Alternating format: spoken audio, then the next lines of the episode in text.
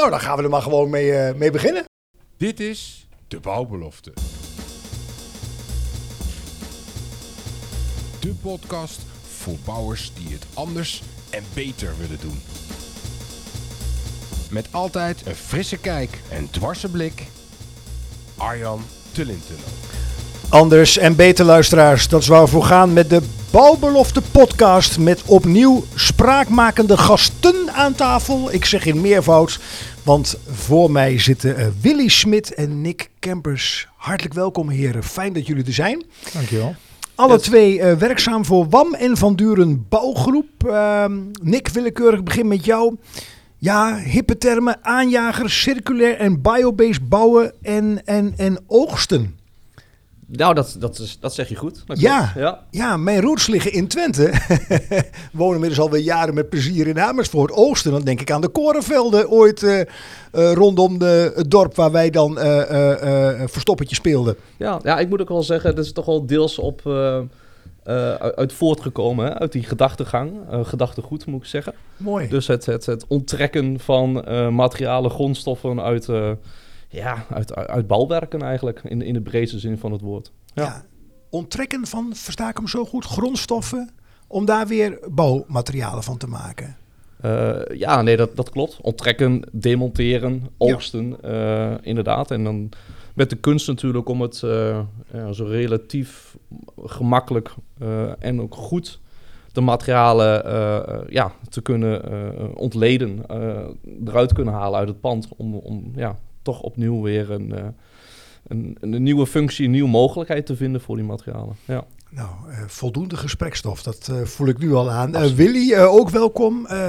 Jij bent algemeen directeur hè? En, en WAM en Van Buren is een regionaal ontwikkelende bouwer, mag ik het zo wel zeggen? Wam en Van Duren graag. maar- WAM en Van Duren, neem me niet kwalijk. Van, WAM, Buren, van Buren, dat was volgens mij een eh, materialenhandel waar je volgens mij gereedschappen kon kopen. nou, eh, eh, een ijzerhandel, klopt? een ijzerhandel, ja, oké. Ja, met, met bouten en moeren en schroefjes en stofkapjes. Ja, nee, Van zijn- Duren. Ja, Wam en Van Duren, we zijn echt een familiebedrijf. Ik mag er al ruim 43 jaar werken. Kijk, de laatste drie jaar vooral bezig als eh, innovatie, eh. Om eigenlijk eh, ja, ons mooie bedrijf eh, zeg maar, eh, toekomstbestendig te maken. Dat is mijn job de laatste paar jaar en dat is leuk, want dat betekent dat je operationeel iets minder doet, maar eigenlijk eh, ja, nieuwe dingen om je heen ziet en die ook op mag pakken en ook je tijd daarin mag stoppen. eh.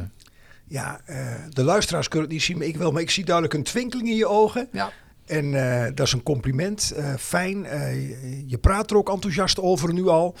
Maar bij mij resoneert die 43 jaar na. Hè? 43 jaar werkzaam. Nou, dan heb je een heleboel zien veranderen in, in, in, in die tijd, stel ik me zo voor. Vier decennia. Ja, dat klopt. Kun, kun, kun je met name de jonge luisteraars en misschien ook wel studenten die luisteren of gaan luisteren, wat, wat zijn zo grote, grote majeure veranderingen die je zo hebt zien gebeuren? Nou, bijzonder denk ik wel is dat we natuurlijk het vakmanschap nog steeds eh, als basis hebben. Dat is niet eh, anders geworden. En de laatste jaren zie je dat er eigenlijk de transities veel sneller gaan. Ik heb altijd eh, vanuit het begin dat ik in 80 begon, altijd het idee gehad van we gaan niet snel genoeg in de bouw. Ik ben altijd wel geweest van veranderingen.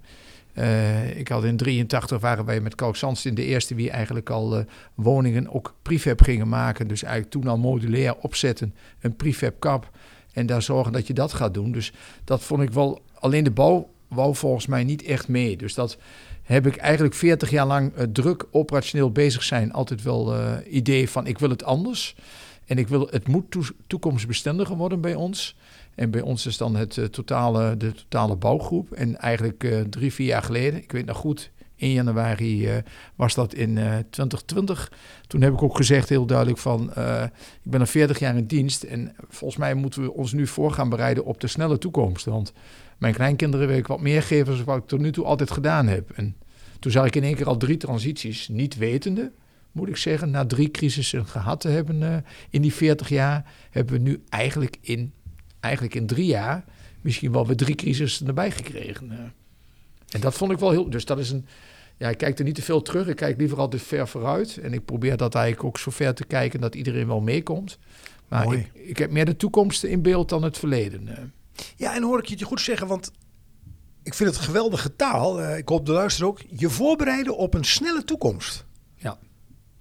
Dat is misschien wel de uitdaging als je kijkt naar de, de, de nieuwe generatie eh, die eraan zit te komen, ook op de arbeidsmarkt. Klopt. En voor mij is de nieuwe toekomst, eh, voor mij zijn jongeren heel belangrijk. Ik ben zelf dan op leeftijd, eh, bijna 66, maar wel, ik vind het leuk om met jongeren te werken. En ik kan er veel van leren. Ik hoop dat ze voor mij ook wel veel kunnen leren. In ieder geval kennis, zeg ik altijd. Misschien heb ik ook nog wel heel veel kennissen. Dus dan kun je in ieder geval ook je netwerk wat uitbreiden. Dat probeer ik te koppelen door gezamenlijk eigenlijk het op te pakken. En of dat nou hier in dit geval Nick is, maar dat doe ik ook met heel veel studenten. En of dat nou MBO, voortgezet onderwijs, HBO, WO. Met, ja, met die jongeren wil ik graag praten. En ik doe dat zelfs ook met mijn kleinkinderen. Om te laten zien van wat er allemaal al verandert. En hoe kunnen we dat eigenlijk in die totale bouw, zeg maar, hoe kunnen we dat dan beter maken? Hoe kunnen we het beter gaan doen als we het de afgelopen, zeg maar, toch decennia, wat je noemt, ook gedaan hebben? We hebben te veel opgemaakt. Hè. Ja, ja, potverteerd. Zo is het wel, ja. Ja, in alle opzichten. Ehm, eh, Nick, eh, eh, Willy had het over die drie transities. Hè? Die, die drie, welke zijn dat? Nou, dan moet je, moet je met name denken aan eh, de materialentransitie, de procestransitie, oftewel processociale transitie en de energietransitie. Ehm, ik denk dat dat, dat hele drie mooie stromingen zijn om daaraan ja, dus verschillende eh, initiatieven en nieuwe stappen aan op te hangen. Om het toch wel ja, concreet, concreet en bondig te houden. Ja. Ondanks dat je natuurlijk alle kanten opvliegt met nieuwe innovaties en nieuwe, nieuwe trajecten en, eh, en noem maar op. Het komt overal als, als focus van, door jullie bril bekeken. Eh, er is veel. eh, energie hoor ik je zeggen, grondstoffen, processen, sociale. Dat, dat zijn zeg maar de dingen waar je op richt. Ja, dat, ja, dat klopt. Ja, ja.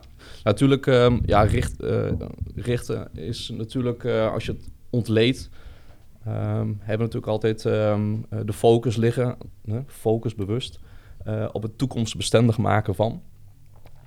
Dus dat is aan de ene kant natuurlijk heel abstract, aan de andere kant natuurlijk een heel mooi doel. De kunst is dat om dat zo praktisch mogelijk in te vullen. En dat is dus een, een kapstok waarin we dus die drie transities weer, eh, weer erbij pakken. Ja, ja. En, en, en bij mij komt dan boven eh, energie, grondstoffen, of je nou wel of niet eh, de media volgt. Het zij online of offline, daar is heel veel aandacht voor. Ehm, Willy, die, die proces- en sociale transitie. Ja. Of het, eh, ik zie het niet, dat kan ook, hè, maar daar hoor ik en lees ik en zie ik weinig over in de media. Ja, daar wordt denk ik te weinig aandacht aan besteed. Dat komt denk ik omdat mensen niet... Ja, als ze het raken willen ze het niet vertellen, denk ik. Dat is denk ik een lastige. Grondstoffen hebben we allemaal wel door. We zien dat het allemaal minder wordt. We hebben te weinig basisgrondstoffen. We moeten minder uit die aarde halen. Dus eh, dat is wel een bewuste, dat ziet men. Energie, helaas door de oorlog wie voor je gestart is... zie je gewoon dat iedereen ziet dat je afhankelijkheid in energie... dat je dat totaal afhankelijk maakt. Dus... Iedereen voelt het in de portemonnee, dus die, die werkt ook gelijk. En sociale procestransitie, die zie ik altijd door elkaar. Dus dat betekent, en dat zien wij al jaren, vakmanschap zei ik net, we hebben steeds minder mensen die ons werk kunnen doen. Dus willen wij nog steeds, we willen meer bouwen, we willen meer assembleren. Dat betekent dat we ander type medewerkers gaan krijgen. Uh, en voor mij hoort daar inclusiviteit bij, maar daar hoort voor ons ook heel duidelijk automatisering bij. Dus wij zijn, uh, zeggen ze wel eens, traditioneel in de bouw, maar wij zijn ook echt heel duidelijk wel van de vernieuwingen. En die vernieuwingen betekenen ook dat je eigenlijk dus uh, ja, modulair moet gaan werken, dat je eigenlijk de CNC moet durven in te zetten, dus gaat frezen, dat je file to factory gaat werken, dus eigenlijk dat je je producten wie je wilt maken, en bij ons zijn dat gebouwen die we graag voor iemand neer willen zetten. Die willen we modulair neerzetten. Die willen we losmaakbaar maken. Dus dat betekent dat we eigenlijk moeten industrialiseren. En dat is eigenlijk die proces- en sociale transitie. En, en hoor ik het goed net, Willy, uh, anders dan vul me aan. Uh, weinig aandacht hoor ik je zeggen. Um, vindt men dat lastig in algemene zin? Of spannend misschien wel? Het is minder grijpbaar, denk ik. Minder grijpbaar. En ik denk dat heel veel, zo zit de bouw, infra, installatiewereld, want we zijn inderdaad een bouw- en installatiebedrijf, uh, zit ook zo in elkaar dat we allemaal erg druk zijn met dat wat we vandaag doen. En dat is het voordeel dat je iets afstand kunt nemen. Ik ben meer bezig wat we morgen willen gaan doen. Dus ik denk dat je dan ook meer tijd neemt en dan ook ziet dat het echt moet gaan veranderen, want het droogt op. En als het opdroogt, dan betekent dat je dat van tevoren moet zien aankomen. Dus je moet je daar wel op voorbereiden. Ja, en dat is waar wij dan ja, nu echt bewust met een aantal projecten mee bezig zijn om ook die. En wij hangen dat heel vaak op aan die, aan die layers van brand, om daar eigenlijk al die transities in onder te brengen. En het ook duidelijk te maken bij je eigen mensen, bij onze opdrachtgevers, bij onze adviseurs, bij gemeentes, bij corporaties. Om altijd maar in het gesprek te kijken van hoe ver wil iedereen mee in onze transitie. Hè? Want ik kan wel heel ver vooruit gaan lopen, maar dan raak ik mijn klant ook kwijt. Dus, uh. ja. En, en andersom natuurlijk ook. Hè? Dus dat, dat pas zodra je bijvoorbeeld een, een, een, methode als de layers of brand duidelijk maakt aan de opdrachtgever, dat hij het soort Eureka-moment krijgt van hé, hey, maar nu, nu, nu maak het me eigenlijk wel heel helder dat ik daar wel in mee kan. Ja. Dus niet wetende dat. Ja. Voor de uh, luisteraars, maar ook voor mezelf. ik heb al heel wat modellen en theorieën uh, bedrijfskundig voorbij zien komen in mijn werkzame leven. Deze kende ik nog niet in alle eerlijkheid. En die triggerde me wel. Uh, Nick, voor degenen die brand ook nog niet kennen, net als ik, die layers waar jullie het over hebben. vertel er eens iets over. Wat houdt dat in? Nou, het, het, is, een, um, het, is een methodiek die, uh, die eigenlijk over een, een, een balwerk heen legt. Waarin je dus verschillende lagen uh, kenbaar maakt uh, van het desbetreffende balwerk. En dan hebben we het over de, de, de essen. Dus de laag. het zijn er acht, hè? Ja, dat klopt, ja. ja. Van sociaal tot aan surrounding. Met daar, eigenlijk, eigenlijk misschien, Nick, wel de twee belangrijkste, hè? ja. wij maken gebouwen. Ja. Alleen ik zeg altijd, dat is, uh, misschien dat, ik pak hem dan maar gelijk ja, over, Nick, op dat, wat ik altijd belangrijk vind dat het gebouw... Pak hem gerust weer over, en Ja, dat doet, hij, dat doet hij ook wel. uh, wat belangrijk is, denk ik dat een gebouw te gast is in zijn omgeving. En een gebouw maak je eigenlijk voor, voor wie je het doet. Zoals we hier zitten. We zitten nu in een, uh, in een brasserie, dat mag ik volgens mij wel zeggen. Maar dat betekent Zeker. wel, de functie wat je hier doet, is dat je hier geniet van als je hier een kopje koffie drinkt of wat gaat eten. Dus daar heb je een gebouw voor gemaakt. Dus dat moet die uitstraling ook hebben. Dus je bouwt altijd, zeg ik altijd, voor een ziekenhuis bouw je voor de patiënt en niet voor de chirurg die opereert. Eh. De operatiekamer is van hem, maar voor de rest is het een gebouw om gezond te worden. Eh. Dus als je dat bekijkt en je, je ontleedt dat, betekent ook, ziekenhuis weer een mooi voorbeeld, die omgeving is van belang dat die ook goed geplaatst is. Is die goed bereikbaar? Dus dat is ook omgeving, surroundings. Dus het zijn de acht essen eh, van brand. Dus die surroundings geven ook heel duidelijk aan OV op orde. Maar heb je ook je groen om, op orde? Want het gebouw is te gast. Dus betekent ook als het binnen heel mooi is, gaat het groen van binnen naar buiten en andersom. En dat geldt eigenlijk voor het totaal. Dus ik probeer wel het verhaal ook naar onze eigen medewerkers te vertellen van dat als het een woning is, dan moet dat ook passen in zijn omgeving. Eh. Dus je bent niet klaar met een huis neer te zetten. Het gaat erom hoe die daar staat en hoe je hem kunnen ontleden in die essen. Maar nou even, uh, en dat mag ook in de balbelofte, balbelofte hè, Nick, om het denken op te rekken. Uh, ik reis mijn hele werkzaam leven al door een groot deel van het land. En als ik kijk naar nieuwbouwwijken, of je nou Vinex-locatie noemt van wat langer geleden. Ja, dan, en ik leg dat op die acht essen als leek, dan denk ik nou, degene die die wijk ontworpen heeft, heeft daar nog nooit van gehoord. Of ga ik nog wat kort door de bocht? Oftewel, uh, we mogen een beetje uitvergroten in de bouwbelofte. De klassieke ja. projectontwikkelgedachte. Ik heb een vierkante kilometer grond. Hoe plemp ik daar zoveel mogelijk huizen neer? Waarbij mijn winst zo groot mogelijk is. Dus winstmaximalisatie in plaats van winstoptimalisatie. Ja, ja. Ik, ik, daar, moet, daar, moet ik toch even over nadenken. Ja, um, want ik wil hem wel gelijk oppakken.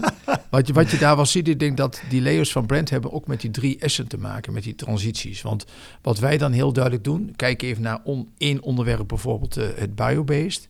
Biobased kun je doen door eigenlijk grondstoffen te gebruiken die hergroeibaar zijn. Dan pak je ook die essen voor. Is dat dan de structure? Dus is het de constructie wie daarvoor gebruikt?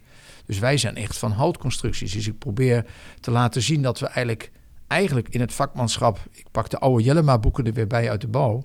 Dat ik eigenlijk toen ik op de HTS zat, zag je ook houtconstructies. Die boeken heb ik geloof ik 35, 38 jaar lang in de kast gehad. En die haal ik nu weer naar boven. Want eigenlijk wat we nu doen, doen we alleen dan modulair en we willen het eigenlijk industrieel doen. Maar eigenlijk de constructies zijn gewoon Zoals 40, 40, 40 jaar jong. En misschien ook wel 140 jaar jong. Want toen deden we dat ook wel pin en gat. En tegenwoordig gaan we losmaakbaar bouwen. En eigenlijk moet je weer terug naar de tijd die we gehad hebben. Alleen je moet daar nu de nieuwe materialen voor gebruiken en het zo maken dat je ook de hergroeibare materialen erin zet. Dus ik probeer het op die manier ook elke keer weer terug te brengen tot die layers van brand, maar wel begrijpbaar dat ik het over een constructie heb. Ik zou het ook over de skin of de S van huid kunnen hebben. Hè? Die skin die, en dan heb ik het over biobased materialen voor die huid. Die moeten voldoen dat ze waterdicht zijn. Het liefst wil ik er niet aan schilderen. Dus ik, ik kijk dan goed van hoe pas ik die dan in die S toe? Dus ik probeer elke keer die transities, probeer ik ook weer te koppelen aan die layers van. Hè. Dus om het elke keer weer terug te brengen tot daar waar wij met z'n allen dan in uh, Wanverdurend Bouwgroep Ja, mee ja, bezig zijn, is het maken van gebouwen. Jou, eh, Ja, en, en, en ik denk uiteindelijk eh, richting het bouwen zelf, verknoop je dat, bundel je dat eigenlijk met, met een stukje digitalisering. Want daar hebben we het nog niet over gehad, maar eh, het is natuurlijk wel, eh, ik denk, ehm, de rode draad door iedere transitie heen om het te bundelen en het eh, ja, uiteindelijk praktisch uitvoerbaar te maken. Met methodieken als de laser brand of, of, of waardemodellen of, of noem maar op. Die daar op, aan, op aansnijden uiteindelijk. Ik snap overigens, Nick, jouw eerste reactie net. en, en, en met een knipoog gezegd en met een glimlach. Jullie hebben als ehm, WAM en Van Dure Bouwgroep de intentie om dat gewoon goed te doen. Hè? Eh, en met jullie ook een aantal. Maar jullie behoren nog tot een aantal... eh, tot een relatief kleine voorhoede, mag ik het zo zeggen? Als je kijkt naar, naar Ja. Nederland breed. kun je zeker zo noemen. ik Eh, denk dat wij vorig jaar er ook heel bewust, of drie jaar geleden op de Dutch Design Week, het aandurfden. En toen zat ik voor die tijd in Zwolle bij het Museum de Fundatie. En daar sprak mij toen heel erg aan wat eigenlijk eh, zeg maar de exploded view was. Dus het, wat kun je met dat wat van het land komt, hoe kun je dat dan in het pand gebruiken? Dat, ja, en dan dat, noem ik ook een naam als Lucas de Man bij veel luisteraars bekend. ja, Ja. klopt. Ja, Dus dat Ja. was voor ons eigenlijk wel, en voor mij zeker. En ja, Nick is eigenlijk kort daarna bij ons eh, komen werken. Maar ook wel, en dat vond ik wel een goed zoals Nick en mij zegt. eh, je begon volgens mij met het oogsten, ons verhaal. Als je nu naar het oogsten kijkt, ik zeg altijd, oogsten is mooi. Maar als je niet weet wat voorspelbaar volume is, dan weet je ook niet wat je ervan kunt maken. En daar hebben we dan ja, toch wel weer, Nick heb ik daar hard bij nodig. Want het voorspelbaar volume halen wij door scans te doen, door dronebeelden te maken. Door te zorgen dat je eigenlijk die materialenpaspoorten van gebouwen in beeld hebt. Dan krijg ik voorspelbaar volume. En ik krijg daarnaast denk ik ook heel duidelijk materialen in beeld. Of dat nou het basismateriaal is, of het elementen zijn, of het zijn complete gevels. We weten dan wat, wat het voorspelbaar volume aan oogstmateriaal is voor hergebruik. Oftewel het voortijdig digitaliseren en, en, en inventariseren. Want wat, wat is altijd eh, de uitdaging? Eh, men vraagt naar materialen, eh, graag op wat à la minuut natuurlijk voorradig dient te zijn. Als een groothandel die ze, die ze heeft liggen op voorraad.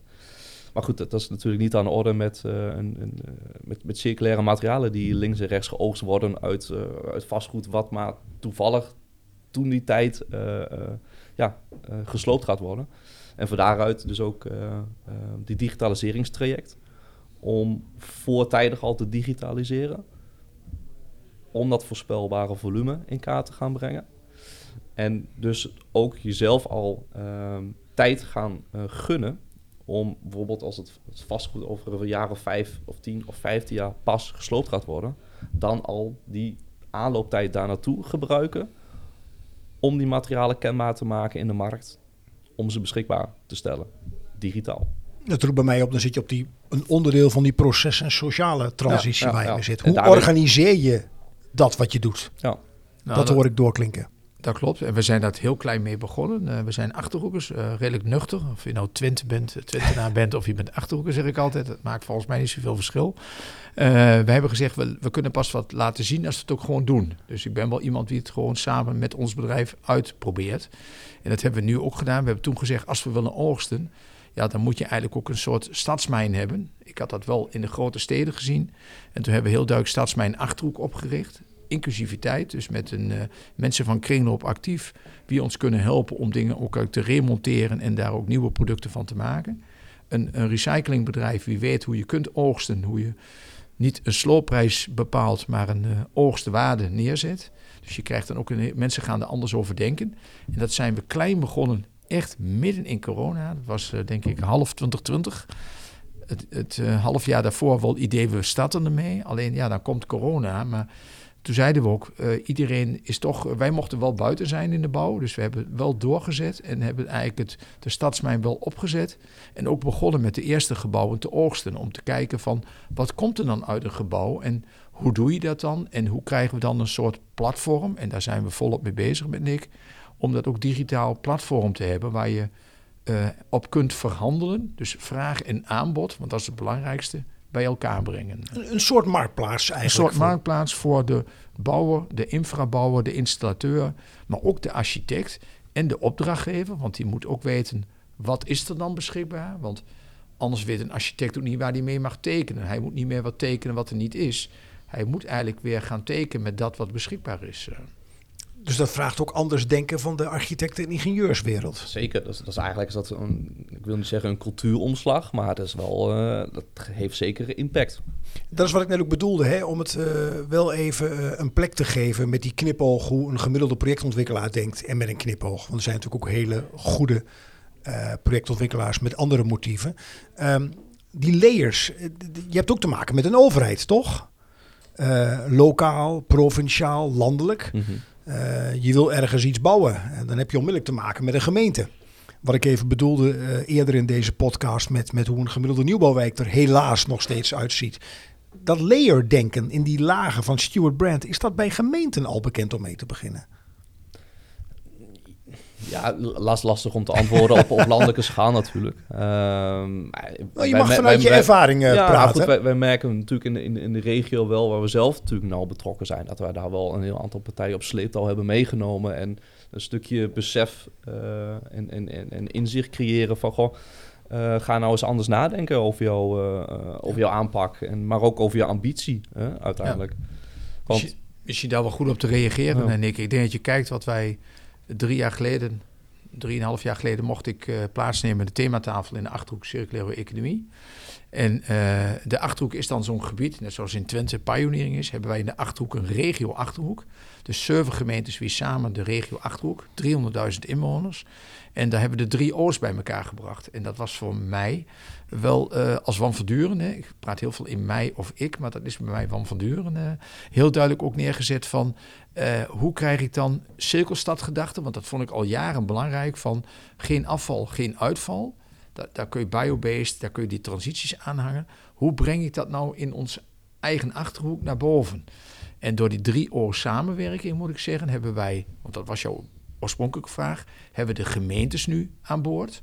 Ik heb vorige week bij de gemeente Aalten een presentatie mogen geven aan de raad over duurzaamheid, over eh, dat wat eigenlijk biobased is. Hoe, heb je, hoe run je een stadsmijn? Hoe kunnen we als gemeente jullie helpen om het beter te gaan doen? Ik doe wel zo artikel 5, zeg ik dan altijd. Dat zou me al heel veel helpen om zo af en toe langs het randje van de artikelen te gaan en ons te helpen om wat te realiseren. En- wat is artikel 5? Artikel 5 doe ik altijd zo. Dat betekent soms moet je iets door de vingers zien. Even je hand eh, Even- voor je ja. ogen, Ja. eh, Als je- letterlijk er doorheen kijken. Ja, dus als je echt pilots wil doen, dan moet je ze af en toe ook durven om dingen net te doen die misschien net eigenlijk niet helemaal zouden mogen. een stukje lef. Een stuk lef hebben, Bluff. durven. Hè. We zijn, ons- Mooi. Ons staat onder het logo durf te vragen. Durf te doen, zeg ik ook wel eens. Want alleen maar vragen is ook niet genoeg. Je moet zo af en toe ook durven te doen. Het meervoud van leven is lef, hè? Ja, ja. Dus Ja. Ik, ik vind dat hoort bij elkaar. Dus je moet pilots moet je ook niet alleen maar doen aan dingen die er allemaal al bekend zijn. Nee, dan moet je juist gebruiken voor dingen die je uit wil proberen. En dan ook zo af en toe zeg ik altijd, dan lukt het niet. is niet erg. Hebben we er ook van geleerd dat het anders moet. Dus je leert er eigenlijk altijd van. eh. En, en hoe reageerde, want, want ik kan me voorstellen, een overheid zonder te wijzen, dat wil ik benadrukken. Maar dat gaat uit van, van, net als hele grote bedrijven, van zekerheid, van maakbaarheid. Dat is het leidende principe. Klopt. Ja, Het wordt denk- anders gebracht, maar de praktijk is wel, het moet bewezen zijn. Hè? Eh, Ja.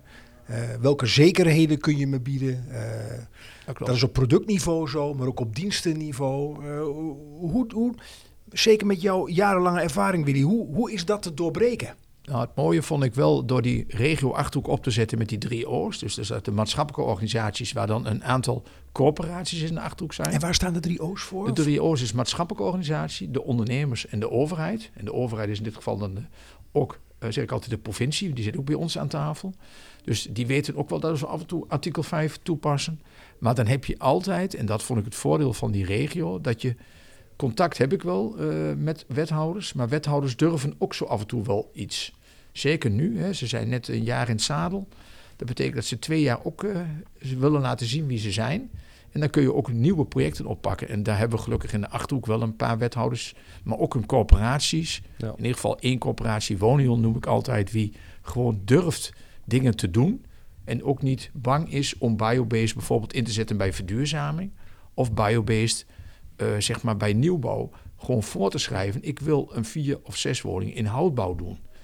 Dus je hebt dan wel die durf nodig Mhm. om iets te mogen doen. eh. Ja, maar ik denk ook vanuit overtuiging dat eh, bedrijven eh, en ook wethouders eh, impact willen maken. Hè? Dus ergens voor staan en iets willen realiseren uiteindelijk. En, en daardoor partijen mensen om zich heen eh, verzamelen die, eh, die daarin mee willen. Ja, Ja. En, en het creëren van een, eh, nou, een gemeenschappelijke energie hoor ik doorklinken Ja. in regionaal verband. Want ons hele land is opgedeeld in regio's. Hè? Klopt. Eh, je hebt de regio Twente bijvoorbeeld, maar ook regio Amersfoort waar ik dan woon. En we nemen op in Zwolle in eh, deze brasserie. Dat is regio Zwolle. Dus ja, dat, dat, dan heb je wel wat slagkracht eh, te mobiliseren. Als je een deuk in een pakje boter wil slaan. Zie ik het zo goed? Klopt. En ik, regionaal vind ik altijd, dat is het mooie, kun je heel makkelijk mensen benaderen. Eh, doe je dat via de provincie. En eh, Gelderland alleen heeft al zes regio's.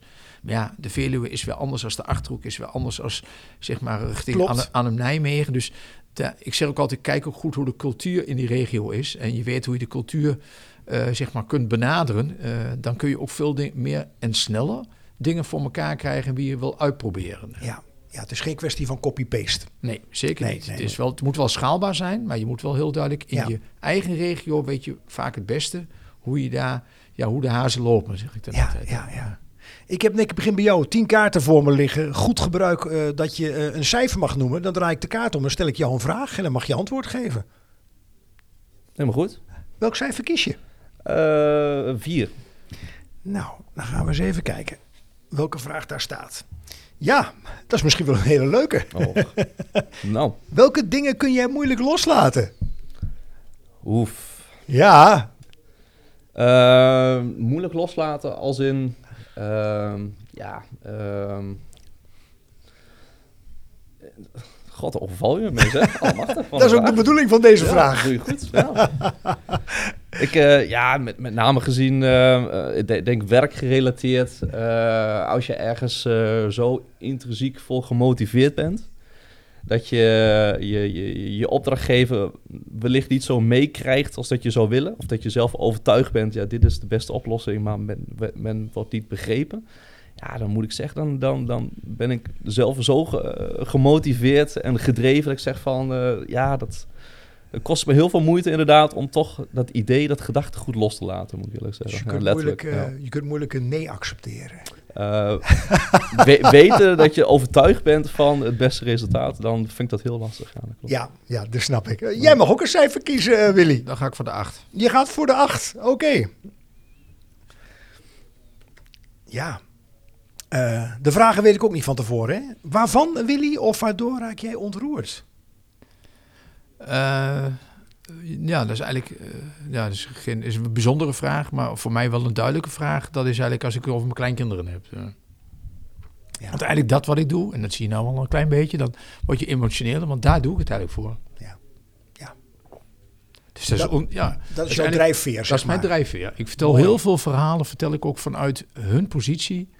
Dat wat wij meegemaakt hebben, dus als ik jou aan kijk, is dat voor jou denk ik hetzelfde. Eh, wij hebben het al goed gehad en zij moeten het nog goed krijgen. Dus, Ja. En dat probeer je, eigenlijk probeer ik dat te regelen. En Ja. regelen is het verkeerde woord, maar wel bewust met iedereen kijken van hoe krijgen we het weer beter als we het gedaan hebben. Nou, jullie zijn beiden aanjagers.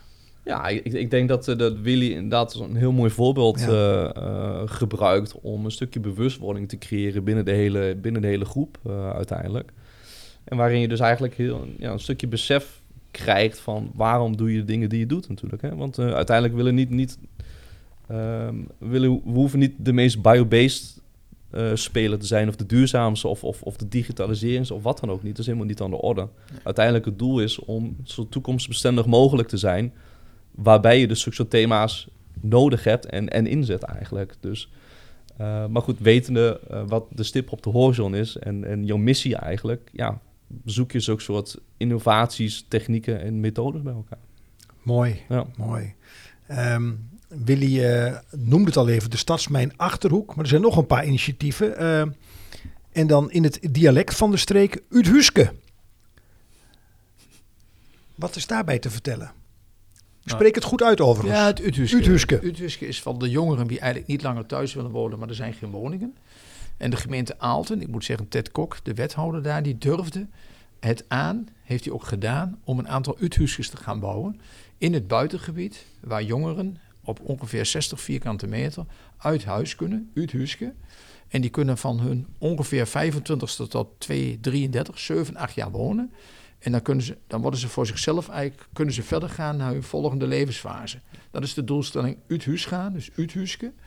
En dat hebben wij dan toen tijdens opgepakt. We hadden geen één, we hadden nog nooit een woning, een uithuisje gemaakt. Wij zijn eigenlijk meer utiliteitsbouw. We hebben in het verleden wel veel woningen gedaan. En wij werden uitgedaagd van, zouden jullie dat niet kunnen? Ja, dat hebben we gezegd dat met de gedachte van alles wat er gebeurt, de, de transities die er zijn, pakken we dat op. En we hebben dat inderdaad in, tijdens corona gewoon opgepakt. En gezegd, wij gaan een uithuisje ontwerpen. En uh, daar gaan we naar kijken dat die jongeren daar in ieder geval met z'n tweeën, want vaak is dat zo. Je kunt, zeg ik altijd, in het Utrechtse, als je een, uh, kinderen zou krijgen, dan kan het denk ik nog een jaar. En dan denk ik dat, dan moet je echt de volgende stap gaan maken. Dan is 60 meter in Amsterdam nog steeds prima. Maar ik denk in onze Achterhoek, dan wil je graag meer. Ook in Twente wil je dan meer. Dus ik denk dat dat, uh, het Utrechtse is voor ons eigenlijk een soort vorm geweest om te laten zien wat kun je met houtbouw, wat kun je met uh, flexibel bouwen, flex, flex wonen, hoe kun je dat biobased gaan maken, waar we nu volop mee bezig zijn, hoe kun je off-grid komen. Dus eigenlijk komen al die transities in het Uthuiske weer bij elkaar. En dat vond ik, vonden wij toen wel mooi als van Verduren, dat eigenlijk een, een buurtgemeente, in dit geval Aalten, de, de mogelijkheid biedt om gewoon een, nou we hebben er, van de tien hebben we er acht kunnen bouwen, één kon de gemeente niet verder komen vanwege de procedure. Maar we hebben de acht uh, zeg maar, uh, geassembleerd op locatie. Dus eigenlijk in twee uh, eenheden aangebracht en eigenlijk op de fundatie gezegd. En ze zijn flexibel en verplaatsbaar naar de toekomst. Ja, en, en, en, en dit niet vooraf wetende, hè? Ehm, ik mocht ehm, eind vorig jaar uh, binnen de gemeente Rijsselholt een bijeenkomst faciliteren over deze problematiek. En daar is een zekere Anna Dannenberg, een jonge vrouw van 50, gezicht geworden, het gezicht geworden namens de jongeren. Mm -hmm. En dan komt heel gauw de vraag uh, bovendrijven. Uh, wat kost nou zoiets? Of nou een tiny house is of een uithuske, in ieder geval kleiner wonen. Is daar een, een, een, een getal in te noemen? Dan kijken we ook, en dat was daar ook een, een onderdeel van de, van de vraag. hey, als jongere, uh, probeer maar eens een beetje een hypotheek te krijgen. Klopt. Dat is denk ik heel lastig. Uh, daar hebben wij zelf ook ondervonden. We hebben eigenlijk uh, de woningen, de eerste waren eigenlijk bedoeld, inclusief alle wat de surroundings, alles wat erbij hoort, om het aan te leggen, de fundatie te maken. Praten we denk ik over 200.000 inclusief BTW. Mm -hmm. Dus dat is best heel fors voor 60 vierkante meter. Um, wij hebben toen wel gezegd dat moet anders, want anders missen we nog steeds die markt. Ja. Want we hebben meegedaan nu ook weer, je doet met Edes mee, dus wat de corporaties doen, kun je daar flexwonen invullen. We worden vaak gevraagd over, kun je wat voor uh, onze statushouders wat doen? Dus kun je voor asielzoekerscentra, kunnen we dat wat regelen? Kunnen we voor studentenhuisvesting zorgen? Dus dat heeft ons wel uitgedaagd. In die uitdaging ging wel zover dat ik afgelopen vierde kwartaal uh, naar Estland ben geweest en naar Letland om te kijken hoe doen dan houtbouwers het uh, daar en hoe doen ze dat daar dan voor onze Scandinavische landen? Want die zijn daar ver mee. En dat heeft voor ons nu eigenlijk ertoe geleid dat we de eerste acht woningen in houtskeletbouw in Harreveld op dit moment aan het assembleren zijn uh, met mensen uit uh, Letland. Kun je zeggen, je haalt het ver. Ja, omdat we hier nog niet zo ver zijn, helaas, biobased. Dus we zijn nu kijken van hoe kunnen wij goed leren, want dat vind ik een hele belangrijke, van hoe het in, uh, zeg maar in Letland, Estland gebeurt en hoe het in Scandinavië gebeurt. Waar, waar het de normaalste zaak van de wereld is. Daar is het heel normaal dat ja. je van hout bouwt, dat je ook nog remontabel bouwt, dat je het eigenlijk ook biobased gaat bouwen. Dus dat, het geeft ons in, ieder geval, dat, moet, ja, dat weten we zelf ook, we hebben al zoveel de afgelopen twee kwartalen da, daarvan geleerd. En we zien nu ook zelfs de prijs, naar, terwijl alles duurder wordt, zien wij nu dat we ook met de prijs beter kunnen concurreren ten opzichte van onze collega's. We kunnen er zo meteen denk ik ook echt onderkomen. Terwijl het dan beter biobased is, het is remontabel, het is flexibel. Alleen ja, we moeten leren van de mensen die het eigenlijk al heel lang doen. Eigenlijk kom ik weer terug op mijn boeken van Jellema. Wij denken allemaal dat we het opnieuw uit moeten vinden. Nee, we moeten goed kijken waar is het al gebeurd en wat leren we daarvan. En hoe passen we dan onze nieuwe technieken daarop toe? Want dat moeten we de, met Estland en Letland merk ik dat nu ook wel. Zij digitaal bouwen hebben doen we samen met hun. Wij kunnen tegenwoordig file to factory noem ik het dan. Wij kunnen digitaal in Nederland precies alles bedenken. Installaties daarop toepassen. Liefst zeg ik altijd zo min mogelijk installaties. Uh, en zij maken dat voor ons. Het mooiste is natuurlijk dat we straks dat samen kunnen doen en dichter bij huis kunnen halen. Nou, klinkt als een hele waarde, waardenvolle uh, gedachte, uh, Willy. Um, even kijken naar jongeren dan. Uh, nou, ik heb zelf ook kinderen in de leeftijd tussen de 18 en de 24, dus herkenbaar. die, die, die twee ton, is het aannemelijk zonder je ergens aan te houden dat het op redelijk korte termijn ergens tussen de anderhalf en de twee ton uitkomt? Ik denk dat het zeker uh, goed te doen is. Het, het, is wel belangrijk, en dat is denk ik wat we ook goed moeten uh, leren. De faciliteiten van de, de overheid, dat ze dan ook uh, de, de kavels beschikbaar hebben. We zijn net, is Nick volgens mij met een project bezig in Weel, dacht ik, gemeente Doetinchem. In de gemeente Doetinchem-Weel, ja, klopt. Ja, ja. Mm. en dan wordt eigenlijk toch wel een vrij hoog bedrag aan grond, zeg maar, eronder gelegd. Dus stel dat dan of met een soort, ja, een, een waarde per jaar, dus dat we toch een soort erfpacht gaan doen maar, maar durf dat ook als gemeente, want het zijn flexwoningen. Waarom moet je het dan verkopen? Alleen, ja, dat, dat is dus een gedachtegoed uh, voor die transitie voor die gemeente. Je moet leren dat je niet altijd aan je grondbedrijf verdient. Maar het gaat er volgens mij om dat je dienstbaar bent voor je mede-inwoners nou, en dat je het beschikbaar stelt. Ja, ja, welke waarde ken je daartoe? Ja, en dan wordt er in één keer 50 bij opgeteld. En, en, en dan zeggen wij dat het moet terug naar misschien 15 of 20. Dat is ook een waarde. Ja, ja, ja, ja. ja. Nou, uh, ik denk ook voor de luisteraars, uh, uh, los van of je kinderen hebt die vragen hebben, die uit huis willen. Hè, het is een publiek geheim, daar zeg ik niks verkeerd, dat grondverkoop een verdienmodel is. En dat maakt het ook dubbel, want diezelfde gemeente zegt ook, we willen bouwen voor jongeren. Maar je moet er wel een beetje in zitten, als je, hè, zoals wij, als je kijkt naar het verdienmodel voor gemeenten. En daar zit voor mij iets dubbels in, niet alleen voor mij, dat hoor ik meer. Ja. Ja, ja. Nou, mooie, uh, mooie gedachten, hoopvolle ook. Uh, nog een paar dingetjes, want uh, we gaan er wel langzaam zeker richting het einde van deze balbelofte. Zo snel gaat de tijd. Ehm, Nick, ehm, samen biobase bouwen in de Achterhoek. Hè? Eh, Willy, jij noemde hem al even, coöperatie Wonion, om samenwerking op dit gebied te stimuleren. Ja, ja, zeg je goed. Stimuleren, draagvlak creëren, Alleen hoe, activeren. Waar iedereen mee zit is de vraag, dat, dat, dat zal iedereen onderschrijven. Welke wethouder je ook vraagt, waar dan ook in Nederland. Verbinden, stimuleren, innoveren, aan ronkende taal geen gebrek. Alleen, hoe doe je dat dan? Wat is de heilige graal, nou, als die er is? Nou, de heilige graal is denk ik sowieso weer kijken naar het, eh, het uh, daar hebben we het net ook al over gehad, over het regionale uh, en het lokale. Door dus uh, uh, gelijkgestemden uh, bij elkaar te vinden, te zoeken. Die vinden elkaar natuurlijk vanzelfsprekend ook door de thema's. Om daaruit dus elkaar weten uit te dagen en ook transparant durven te zijn. met waar we tegenaan lopen uiteindelijk. En ik zie Willy de vinger al afsteken. Ja, maar, ja ik, ik, ben bang dat het anders niet te veel praten blijft. Ik denk we, want jij vroeg wat anders. Ik denk dat we heel goed moeten kijken. Een corporatie heb je nodig je hebt assembleurs, bouwers nodig. Maar we hebben, en dat vergeten we even, we hebben de landbouw nodig. Willen we dus dat gaan doen? Wij noemen dat van land naar pand. En wat we met samen Biobase bouwen, dat is gestart vorig jaar met twee bussen vol.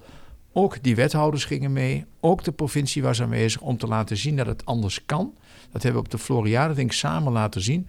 Ook Lucas de Man was onze, zeg maar, toch wel enthousiaste storyteller. Wie volgens mij van de 90 mensen wie we toen in die twee bussen zaten, ook wel uh, eh, 89 mensen over de streep heeft getrokken dat het anders moet gaan gebeuren. Uh, en dat doen we nu eigenlijk door uh, die landbouw, de productie en de bouw, dus het assembleren bij elkaar te brengen in drie groepen. En het allerbelangrijkste vind ik wat, wat we daar ook bij niet moeten vergeten, is dat het samen biobased bouwen 99% uh, staat al in Nederland. En 1% bouwen erbij. Dus we hebben ook heel duidelijk de keuze gemaakt: landbouw, uh, productie, bouw. En daarnaast heel duidelijk verduurzaming, bestaande voorraad. Of dat woningen zijn, of utiliteitsgebouwen, het ziekenhuis, scholen, wat het ook is. En aan de andere kant, alles wat we nieuw doen, moeten we eigenlijk zorgen dat we dat minimaal ook biobased, losmaakbaar uh, houtbouw krijgen. En dat doen we. En dat hebben we hebben volgens mij over twee weken uh, de volgende sessie. Dat is de derde. Is dat niet de 29e? De 29e maart is dat. En uh, dan gaan we ook in twee groepen uiteen. Eén groep is volop bezig met verduurzaming van bestaande voorraad. of dat nou woning, wat ik zei, of utiliteitsbouw is, daar kijken, dan zal het heel vaak over isolatie gaan. Kan dat biobased zijn? Of de gevel, kunnen we dat anders invullen? En bij de nieuwbouwkant doen we dat door een aantal kleinere pilotprojectjes, niet over te praten, want dat was eigenlijk je vraag, maar we gaan het ook gewoon doen. We zijn daar met twee recreatiewoningen wat er gestart. Er wordt een, een fietsenberging gemaakt. Het klinkt allemaal wat klein. Uh, er wordt een vergaderruimte gemaakt. Een hele belangrijke vind ik zelf bij de Marken in, uh, in Hengelo-Gelderland. En waarom vind ik dat belangrijk? Dus misschien moet je even uitleggen wat de Marken is. Ja, de Marken is eigenlijk een, een onderdeel, een proefboerderij van de WUR van Wageningen. Nou, waar wordt landbouw? Waar zit LTO? En waar gebeurt het? Ik zeg dat is op de, in dit geval van Hal Lagenstein. Dat is op het Zonnecollege waar je met de groene vingers bezig bent. En dat is eigenlijk bij de WUR. En die hebben we dus ook gekoppeld aan ons initiatief. En daar gaan we een gebouwtje neerzetten, wat eigenlijk van stro gemaakt gaat worden. Dus, maar dan wel stropanelen. Uh, in dit geval een fabrikage, die eigenlijk dus echt een industriële fabrikage van stro-elementen. Kan dit, uh, Willy, uh, denkend in mogelijkheden en vooral niet in beperkingen? opnieuw zeg ik erbij wat ik meekrijg. heel actueel we nemen deze podcast op in maart. De verkiezingen komen eraan. Stikstof, problemen met boeren. Of het is mij ontgaan. Maar je zou zeggen, het is een nieuwe kans voor een deel van de landbouw. Om wel te kunnen blijven boeren. Met, met, met, met, met, met, met een glimlach gezegd. En ook heel veel respect voor de beroepsgroep. En ook nog eens een hele goede bijdrage te leveren aan uh, de uitdaging om zoveel mogelijk biobased materialen te kunnen maken. Klopt. Zie ik het zo goed? Klopt. En we hebben het er eigenlijk weinig over gehad. Maar uh, het was natuurlijk het verhaal met Lucas de Man. Exploded View hebben we het gehad over possible landscapes. Ja. Toekomstige landschappen, hoe ziet het er in Nederland uit? En dat zal zijn dat de boeren misschien wel een nieuw verdienmodel ernaast gaan krijgen. Naast want de veeteelt met z'n allen, de dagen zijn er elke keer. We zullen minder vlees gaan eten, we zullen minder melk. Heel veel mensen nemen dat mij niet in dank af dat ik dat allemaal zeg. Maar ik denk dat we het wel met, met elkaar moeten doen. Dus ook iedereen weer samen. En ik denk dat biobased zou een nieuw verdienmodel kunnen zijn voor een heel aantal akkerbouwers, maar ook veeteelt. Om het anders hun land in te gaan richten. En ja, zo lossen we misschien ook wel een groot deel van de stikstofproblemen op. En ga je in houtbouw. Nederland is van hout oudsher eigenlijk een houtbouwland. Ze hebben ook helemaal vergeten. We moesten in één keer alle leem opmaken om daar bakstenen van te maken. Dat ben ik zelf ook druk altijd mee bezig geweest. Dus we zullen nu ook weer naar, denk ik, bouwlandbouw en naar, uh, in dit geval naar bosbouw toe moeten. Uh, ik denk dat die, die, die omzetting, dat, dat maak ik misschien niet eens allemaal mee mee. Maar ik wil dat nu wel graag in gang zetten. Dat we nu zien dat het anders moet gaan gebeuren. Ja, het is een beetje een, een, kentering in de keten eigenlijk. Ja, echt een kentering in de keten. Ja. Compleet. Uh, en dan moeten we echt... Dat is ook een transitie. En dan zie je ze eigenlijk alle drie weer bij elkaar komen. Echt anders denken, ja. anders doen ook, hoor ik doorklinken in deze balbelofte. Maar vooral anders organiseren. Ook dat, ja. Uh, we hebben uh, een van de eerdere gasten in de, in de podcast. We hebben er al vele opgenomen. Die zegt heel bewust, we hebben geen capaciteitstekort. We hebben een organisatietekort. En daar moest ik echt over nadenken. Nee, mm. we hebben het anders te organiseren. Juist. Ja. Nou, ik moet afronden, want we kunnen echt nog wel even doorgaan. Maar wil wel, uh, Nick, bij jou beginnen. Uh, uh, wat zou jij onze luisteraars in het licht van jouw rol en hoe je naar dingen kijkt nog mee willen geven? Nou, wat, wat mij persoonlijk veel geholpen heeft, is te gaan denken met een aantal methodieken. En de bedoelde levensbrand, hebben we natuurlijk al uitgebreid over gehad. En ik moet zeggen, uh, zelf maken wij ook uh, veel gebruik van uh, de Six Capitals. En de Six Capitals is een methodiek om meerdere waarden toe te kennen aan een element.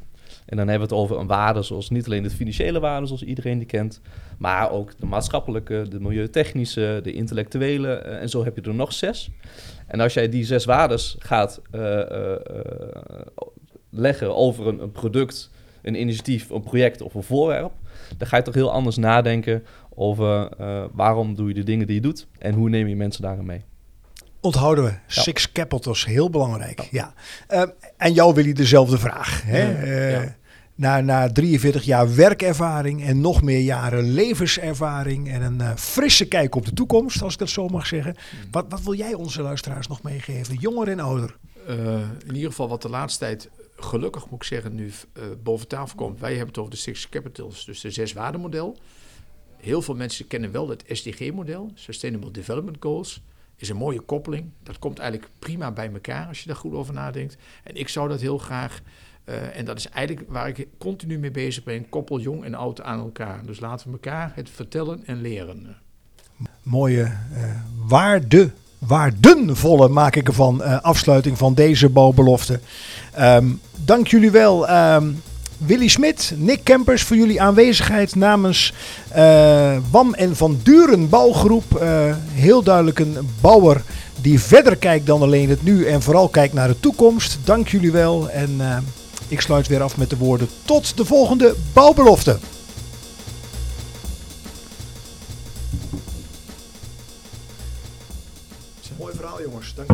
Graag gedaan. Ja.